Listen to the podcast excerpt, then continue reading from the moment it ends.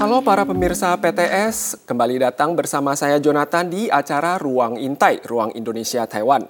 Topik pembicaraan kita pada hari ini adalah Bayangkara Pekerja Migran dan kita akan mengupas uh, seputar masalah ketenaga kerjaan dan pekerja migran Indonesia di Taiwan. Hari ini kita kedatangan seorang tamu yang sangat istimewa, nama beliau adalah Kadir. Beliau adalah seorang analis bidang tenaga kerja pada kantor dagang dan ekonomi Indonesia di Taiwan mungkin bisa perkenalkan diri secara singkat dan uh, berbicara sedikit tentang uh, pekerjaan Bapak sehari-hari di KDI. Ya, terima kasih. Selamat sore. Uh, perkenalkan nama saya Kadir, analis bidang tenaga kerja di KDI Taipei. Jadi uh, kami sehari-hari uh, kerjanya itu adalah membantu melaksanakan kegiatan-kegiatan pelindungan pekerja migran Indonesia di Taiwan. Okay. Misalnya bila ada masalah itu uh, kami yang mencoba membantu untuk menyelesaikan. Menjadi Selain mediasi gitu ya, Pak ya? Okay. Mediasi misalnya, termasuk juga kegiatan penempatan. Misalnya kami juga melaksanakan verifikasi dulu. Verifikasi uh, artinya dilihat dulu. Misalnya sekarang pertanian dibuka itu kita lihat dulu baru bisa ditempatkan. Oke. Okay. Ya. Oke. Okay. Uh, eh, jumlah PMI sektor formal dan informal di Taiwan pada saat ini, uh, sorry, hingga akhir Oktober itu uh, yang terkalkulasi ya Pak ada sekitar 269.322 orang. Jadi hampir 250-an ribu orang gitulah. Dan uh, jumlah PMI ini mengalami peningkatan yang sangat drastis pasca ya. pandemi. Jadi kira-kira tanggapan kantor terhadap fenomena ini apa Pak? Uh, jadi ini tentunya sangat bagus ya. Jadi artinya ini uh, artinya uh, Taiwan menjadi destinasi favorit Betul. bagi pekerja migran Indonesia. Ya. Artinya menjadi uh, favorit ya banyak pekerja migran Indonesia yang ingin bekerja di Taiwan. Jadi hmm. uh, uh, sebelum pandemi kan kenaikan itu sedikit ya sekitar 9.000 terus kemudian pandemi Betul. akhirnya hmm. anjlok tuh. Kemudian sekarang udah normal Mungkin lagi. Mungkin karena terakumulasi selama berapa tahun itu ya, kali Pak ya. Yang menunggu akhirnya kan udah berangkat semua. Ini okay. setelah pandemi udah tercatat mungkin sekitar 20 ribuan lebih ya dan trennya per bulan itu bagus uh, apa namanya jumlah PMI yang bekerja ke Taiwan uh, termasuk nomor satu saat ini di di data kami yang ada di penempatan okay. di Indonesia. Patut diatu ya. apa diacungkan jempol. Oke, okay, untuk uh, berikutnya kita akan membahas sedikit mengenai masalah PMI swasta ya. Jadi istilahnya itu PMI kaburan. Hingga November lalu yang kami dapat itu datanya itu ada sekitar 27 ribu orang yang kabur. Itu ya. uh, untuk PMI pekerja migran Indonesia saja Pak ya. Terus uh, untuk penanganan kasus PMI kaburan ini apa uh, kiat-kiat yang diambil oleh kantor? Uh, kaburan ini memang uh, jadi trennya itu naik juga ya. Naik tentunya uh, yang bisa kami lakukan saat ini adalah berusaha untuk mencegah. Dari Indonesia sendiri sebelum berangkat itu ada namanya satu sesi uh, OPP namanya orientasi pra pemberangkatan itu termasuk disampaikan agar jangan kabur. Itu yang Seperti pertama pencegahan ya. gitu Pak ya. ya? Penyuluhan, penyuluhan, penyuluhan sebelum okay. terbang. Itu penyuluhan pertama. Kemudian di sini pun di dalam berbagai kesempatan kita juga sering menghimbau. Menghimbau baik itu melalui online, pertemuan apa namanya? kegiatan-kegiatan yang on air atau uh, di dalam berbagai kesempatan kami selalu menghimbau bahkan di pengumuman juga ada mm, mm, mm. agar jangan kabur jika ada masalah agar dicoba dicari uh, solusinya jangan malah uh, kabur karena kabur itu bukan satu-satunya jalan iya, pemecahan iya, gitu betul, Pak ya. Iya. Masih banyak apa uh, fasilitasi yang bisa didapat oleh teman-teman apa PMI sekalian untuk iya. memecahkan masalah antara majikan dan pekerja tersebut. Oke. Ini agak santai aja Pak. Kira-kira uh, kasus paling unik, paling istimewa atau paling tidak masuk akal yang pernah Bapak iya. tangani itu? Uh, Boleh kasus itu kan berbagi kan untuk Kasus itu kita, kita trennya itu rata-rata ya kalau misalnya ditarik lima tahun terakhir itu kasus uh, setahun itu bisa sekitar 700 sampai 800 kasus. Begitu Pak ya, ya. banyak. Oh. Dengan berbagai apa namanya kekhasan ya. Iya. Ya. Namun ada beberapa kasus yang menurut kami itu kadang-kadang uh, di luar ekspektasi. Okay. Biasanya misalnya sakit ya. Sakit misalnya udah dirawat di sini, udah dirawat uh, tiba-tiba mengharuskan tiba-tiba harus dipulangkan, tiba-tiba di Indonesia sehat. Oh. Ya, ada juga seperti itu. Ya, satu sisi lagi yang unik, ada juga di sini udah dirawat uh, sekian lama, uh, tiba di Indonesia sehari dua hari biasanya udah lewat Meninggal seperti itu. Gitu ya. Jadi itu yang menurut kami yang unik itu. Apa mungkin ya. karena faktor tekanan jiwa ya. ya Pak, stres gitu. Jadi di sininya sakit tapi pulang ke Indonesia udah lepas jadi baik ya mungkin juga kan bisa juga ya. cuman kita belum ada riset tentang itu oke okay, mungkin okay. saran ke depan cukup, perlu di riset ya cukup apa unik juga ya iya oke okay. Terus uh, mayoritas PMI di Taiwan ini mereka apa memiliki sebuah konotasi buruk terhadap uh, kebany- apa agensi penyalur pekerja migran di Taiwan. Nah, kira-kira apa uh, tanggapan dan pendapat ya. Bapak mengenai hal ini? Uh, Terus itu, apa ya. car, uh, apa saran yang diusulkan untuk uh, pemecahan masalah ini di masa mendatang? Ya, ini mungkin uh, tidak bisa digeneralisir secara umum ya. Hmm. Artinya dari agensi kan ada ada juga mungkin yang ada yang baik, ada juga betul, mungkin betul, yang kategori uh, kurang memberikan pelayanan dengan maksimal. Ya. Jadi PMI merasa uh, seperti uh, tidak bermanfaat. Biasanya mereka mengadu itu karena uh, apa namanya ya agensinya uh, kurang responsif. Biasanya oh, mereka membutuhkan terbengkalai. Iya, jadi uh, lambat responnya. Jadi seperti itu. Jadi mungkin ke apa namanya? Ini juga menurut studi kami dulu ya pernah kami survei kecil-kecilan bahwa hmm. salah satu penyebabnya itu juga karena uh, respon yang kurang baik. Tapi itu memang tidak bisa digeneralisir karena banyak juga agensi yang responsif, yang cepat dalam menyelesaikan uh, permasalahan. Jadi itu mungkin uh, kasuistik, kasuistik ya. Artinya kan tadi kita bisa lihat misalnya setahun 800 ya, 800 dari sekian ribu kan nggak sampai berapa persen itu ya kalau iya, dibanding-bandingkan ya. Ya, seperti itu. Ya. Jadi uh, saran kam saran kami untuk para ya. apa agensi uh, mohon bertindak secara proaktif ya terhadap para pekerja migran di bawah naungan kantor Bapak gitu ya agak proaktif dalam dalam menangani masalah mereka gitu jangan dipinggirkan Yeah. Oke, okay, uh, eh, berikutnya kita tahu beberapa waktu lalu itu ada yeah. perkelahian antara para pekerja migran yeah. di stasiun Taichung. Ya, jadi uh, kita coba lihat dulu uh, klip mengenai berita ini. Sekelompok PMI saling mengejar dan berteriak, salah satunya diduga memegang pisau. Banyak orang yang menyaksikan kejadian itu dan menghindar karena takut. Setelah menerima laporan, polisi tiba di lokasi, gerombolan telah membubarkan diri. Namun empat PMI mengalami luka-luka dan dilarikan ke rumah sakit. Sekitar pukul 4 tanggal 13, warga menyaksikan sekelompok PMI saling berteriak dan bahkan mengacukan pisau di alun-alun stasiun kereta api Taichung. 然后他是后来有亮刀，但是没有拿刀攻击，但是有打群架的一个现象这样。Karena terjadi di stasiun kereta api yang dipenuhi orang saat liburan, konflik tersebut memicu isu keamanan umum. Setelah melakukan investigasi, polisi menemukan bahwa dua kelompok PMI yang terlibat konfrontasi juga pernah bertikai sebelumnya. Tanggal 13, kedua kubu bertemu lagi di stasiun kereta api dan bentrokan pecah akibat perbedaan pendapat. Polisi saat ini sedang melacak pelaku berdasarkan kamera pengintai. 本 来本所就有列入巡逻，现在在巡查，所以当然遇到这种事情，我们还是会再加强的我们的巡查的力道。Pihak kepolisian menyampaikan mereka akan menurunkan lebih banyak personel di sekitar stasiun kereta, juga akan memperkuat frekuensi patroli dan mekanisme pelaporan dengan stasiun untuk menghindari terulang kembalinya hal serupa.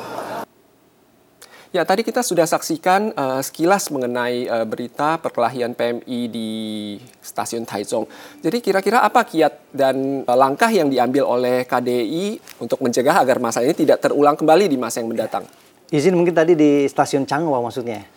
Ya. Changhua. Ya, itu okay, kejadian okay. 2 September kemarin. Jadi uh, apa namanya yang bisa uh, sudah dilakukan itu adalah pencegahan. Jadi kami panggil seluruh organisasi kita istilahnya musyawarah gitu mm-hmm. seluruh ketua-ketuanya kita apa namanya agar uh, jangan sampai terjadi lagi kejadian yang serupa kemudian karena sudah kejadian ya kemarin ya akhirnya uh, ada surat edaran surat edaran itu artinya uh, penghentian aktivitas kegiatan selama tiga bulan jadi oh, bagi okay. yang terlibat itu uh, mereka tidak boleh melaksanakan yang kegiatan itu masa kegiatan yang outdoor yang kira-kira berpotensi okay. ada balasan jadi yang terlibat itu uh, sampai dengan enam bulan mereka tidak boleh ada aktivitas outdoor. Okay. Kemudian organisasi lain kan tidak terlibat. Hmm. Kami juga dipertanyakan waktu itu akhirnya yang tidak terlibat itu uh, mereka tidak boleh juga melaksanakan kegiatan outdoor sampai dengan 3 de, apa namanya 12 Desember. Kecuali oh. kegiatan keagamaan karena keagamaan uh, uh, tidak ada hubungannya seperti itu. Jadi Sel untuk menghindari uh, apa namanya? Selain uh, kegiatan keagamaan, kegiatan lain yang mungkin agak bersifat apa uh, hiburan gitu kali ya Pak ya, atau di luar dari aktivitas pekerjaan itu ditangguhkan selama setengah bulan gitu Pak maksudnya pada saat terjadi itu. Iya, khusus bagi yang uh, organisasi, organisasi yang terlibat. PM, oh, ya, oh, tidak boleh melaksanakan kayak misalnya latihan, latihan di luar yang bisa memicu lagi pertengkaran. Oh, okay, okay. Uh, jadi itu membahayakan. Jadi uh, untuk kepentingan bersama, untuk keamanan bersama, walaupun mungkin ada yang tidak nyaman juga ya. Yeah. Kenapa dihentikan? Tapi ini uh, untuk kebaikan bersama, jangan sampai ada agar tidak merusak tidak citra merusak. Indonesia di di mata dunia gitu, ya, Pak ya. Oke. okay. Uh, berikutnya uh, beberapa waktu lalu mungkin ini ter, ini terjadi waktu Bapak sebelum tiba di Taiwan itu ada kasus uh, beberapa anak buah kapal yang tertimpa jembatan di Suau Pak di dekat-dekat Ilans itu sehingga uh, meninggal dunia dan um, Oke, okay, mungkin kita lihat dulu uh, berita ini untuk mengingatkan teman-teman apa yang terjadi pada saat itu. Setelah melalui pencarian semalam suntuk, pekerja asing terakhir yang hilang telah ditemukan tanggal 3 sekitar tengah hari. Dengan demikian, ambruknya jembatan Nanfang Au dipastikan mengakibatkan enam orang tewas, 12 luka-luka. Dalam proses pencarian, suami istri pemilik kapal sambil menangis memohon pada Menteri Transportasi dan Komunikasi Lin Jialong agar lebih cepat menemukan pekerja asingnya yang hilang yang selama bertahun-tahun ini sudah bagaikan keluarga bagi mereka. 大体都是在船舱里面找到的，都是我刚刚有去看他们的大体，都是。Dewan Pertanian telah menawarkan 50 ribu dolar per korban untuk membantu beban keluarga dan Menteri Transportasi dan Komunikasi Lin Jialong menyatakan setiap korban meninggal akan mendapatkan santunan 5 juta dolar. Uh, 以五百万元 好，来对这些呃罹难的呃外籍渔工哦进行呃赔偿。Jembatan Nanfang Au selesai dibangun pada 1998. Tim khusus MOTC menemukan sepanjang 21 tahun perusahaan pemeliharaan pelabuhan tidak pernah secara inisiatif mengadakan pemeriksaan, maka mungkin bertanggung jawab paling besar. Lin telah meminta perusahaan untuk menyelesaikan pemeriksaan 17 jembatan lain yang dipelihara olehnya dalam kurun waktu 3 bulan. Oke, tadi kita baru saksikan uh, mengenai uh, berita meninggalnya beberapa ABK yang tertimpa jembatan Suau.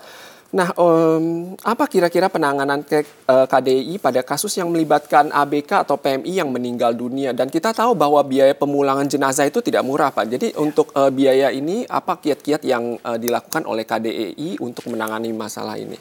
Ya, memang penanganan jenazah ini uh, lumayan ini ya, effortnya lumayan. Iya, ya. karena repot. Uh, jadi uh, sebenarnya ini udah di apa namanya? Udah ada solusinya. Oh, sudah ya. ada SOP-nya gitu, Udah Pak? ada aturannya. Oke, okay, oke. Okay. Sebelum merekrut pekerja migran Indonesia, uh, apa namanya? agensi dan uh, P3MI di Indonesia itu mereka membuat kayak perjanjian kerjasama penempatan hmm. atau dikenal HUMAU. Di situ di dalam HUMAU ada salah satu pasal bila terjadi misalnya uh, meninggal itu apa namanya wajib untuk mengatur pengat, uh, untuk pemulangannya di Indonesia. Oke. Okay. Kemudian di kontrak uh, perjanjian kerja pun di, di, dicantumkan di situ agar para pihak ini jika apa namanya jika ada yang meninggal dunia itu apa namanya uh, bisa dibiayai pemulangannya dari asuransi oh, dan bila ada sisa iya. itu akan dikembalikan ke keluarga. Nah permasalahannya adalah bagaimana kalau tidak diasuransikan ini yang jadi masalah. Jadi asuransi itu tidak asuransi bersifat ya, wajib pak maksudnya? Uh, diwajibkan di diwajibkan. dalam PK. Jadi kalau misalnya tidak diasuransikan berarti kan mau nggak mau agensinya dan majikannya dan P3MI-nya harus uh, rembukan mereka untuk menyelesaikan oh, ini. Ya. Repot juga Pak ya. ya. Protek kuncinya di asuransi. Kalau diasuransikan itu uh, tidak ada masalah. Seperti itu. Oke, uh, kemudian menurut Bapak secara pribadi apakah upaya perlindungan yang dilakukan oleh uh, baik itu pemerintah Taiwan maupun pemerintah Indonesia itu sudah memadai atau kalau misalkan masih dirasa ada sedikit celah yang bisa diperbaiki di masa mendatang, apa kira-kira uh, saran yang diberikan oleh uh, pihak kantor Bapak? Ya, saya pikir untuk uh, dari segi regulasi ya sangat dinamis baik dari Indonesia pun dan Taiwan sangat bagus ya. Hampir setiap saat kita lihat ada lagi aturan baru yang uh, mel sifatnya melindungi pekerja migran. Betul. Sangat melindungi dan uh, sangat bermanfaat bagi pekerja migran. Misalnya kita lihat dulu perpanjangan kontrak tanpa pulang. Yang dulunya harus pulang, sekarang ada lagi uh, tidak perlu pulang langsung perpanjang di Taiwan. Okay. Kemudian ada lagi yang kebijakan baru ini yang dirasakan sangat manfaat, tidak ada batasan tinggal lagi. Yang penting memenuhi syarat bisa lanjut kerja yang namanya PTM, pekerja teknis menengah. Yang dimaksud batasan itu kalau sudah full 12 tahun ya, gitu maksudnya, Pak? Iya, betul. Jadi ini kan Jadi tiga kontrak 12 tahun kalau sudah full dulu diharuskan ya, pulang. kembali. Sekarang, Sekarang sudah bisa lanjut dengan catatan oh, memenuhi persyaratan, okay, okay. majikan masih membutuhkan. Ingat ya, teman-teman. Iya. Bagi yang suka tinggal di Taiwan ini satu uh, apa uh, satu kebijakan yang sangat mendukung Anda sekalian. Iya. Kemudian barangkali satu yang barangkali ya uh, perlu ke depan lagi barangkali adalah uh, ada satu yang mungkin mudah-mudahan ada di peraturannya lagi hmm. kebijakan tentang pindah majikan. Ini okay. saat ini memang uh, sudah ada melalui bursa kerja. Namun oh. bursa kerja dibantu oleh agen. Cuman di dalam uh, implementasinya kadang-kadang uh, apa namanya PMI sangat tergantung pada agensi. Bagaimana nanti kalau misalnya yeah. PMI bisa mendaftarkan langsung secara online jadi Artinya selain mengandalkan agensi, dia juga bisa proaktif. Jadi uh, bisa mendapatkan majikan bagi yang ini barangkali mudah-mudahan untuk catatan uh, itu aja untuk okay. perbaikan ke depan. Oke, okay, uh, eh, yang terakhir sebelum acara ini berakhir, kira-kira apa pesan dan dukungan moral uh, dari Bapak bagi teman-teman kita, para pahlawan devisa yang ada di Taiwan? Pesan-pesan barangkali ya, singkat aja. Uh, bagi teman-teman yang berjuang di Taiwan, di tetap semangat ya, tetap ingat tujuan awal, apa tujuan dan cita-citanya itu dibuka lagi mungkin catatannya apa uh, agar selalu uh, ingat keluarga, jangan maksudnya itu uh, jangan bertindak hal-hal yang kira-kiranya berpotensi merusak atau merugikan diri sendiri maupun hmm. uh, mencoreng nama baik kita di Taiwan. Uh, tetap hati-hati bekerja, mengikuti aturan yang sudah ditetapkan pabrik, majikan dan uh, tetap semangat dan intinya uh, tetap ingat keluarga di Indonesia dan tetap Indonesia. Jadi semangat dan tetap ingat akan uh, tujuan teman-teman sekalian sebelum datang ke Taiwan. Itulah pesan dari beliau bagi teman-teman para uh, pekerja migran Indonesia di Taiwan. Jadi jangan uh, Oke, satu hal lagi kalau misalkan teman-teman sekalian juga menghadapi masalah ya dalam bidang uh, pekerjaan Anda, uh, kabur bukan menjadi satu-satunya solusi masalah tersebut. Jadi uh, teman-teman juga harus tahu bahwa uh, di Taiwan teman-teman itu ada perlindungan hukum dari baik dari uh, KDEI maupun dari uh, pihak agensi. Dan kita juga bisa menghubungi nomor saluran hotline yang nanti akan kami tayangkan. Teman-teman uh, kalau menghadapi masalah dan uh, ingin mencari jalan keluarnya, silakan hubungi saja uh, nomor telepon yang tercantum berikut ini. Demikian acara podcast kita pada hari ini. Semoga bermanfaat dan uh, membawa faedah bagi teman-teman sekalian di Taiwan. Jadi terus semangat dan terima kasih atas dukungannya bagi kami.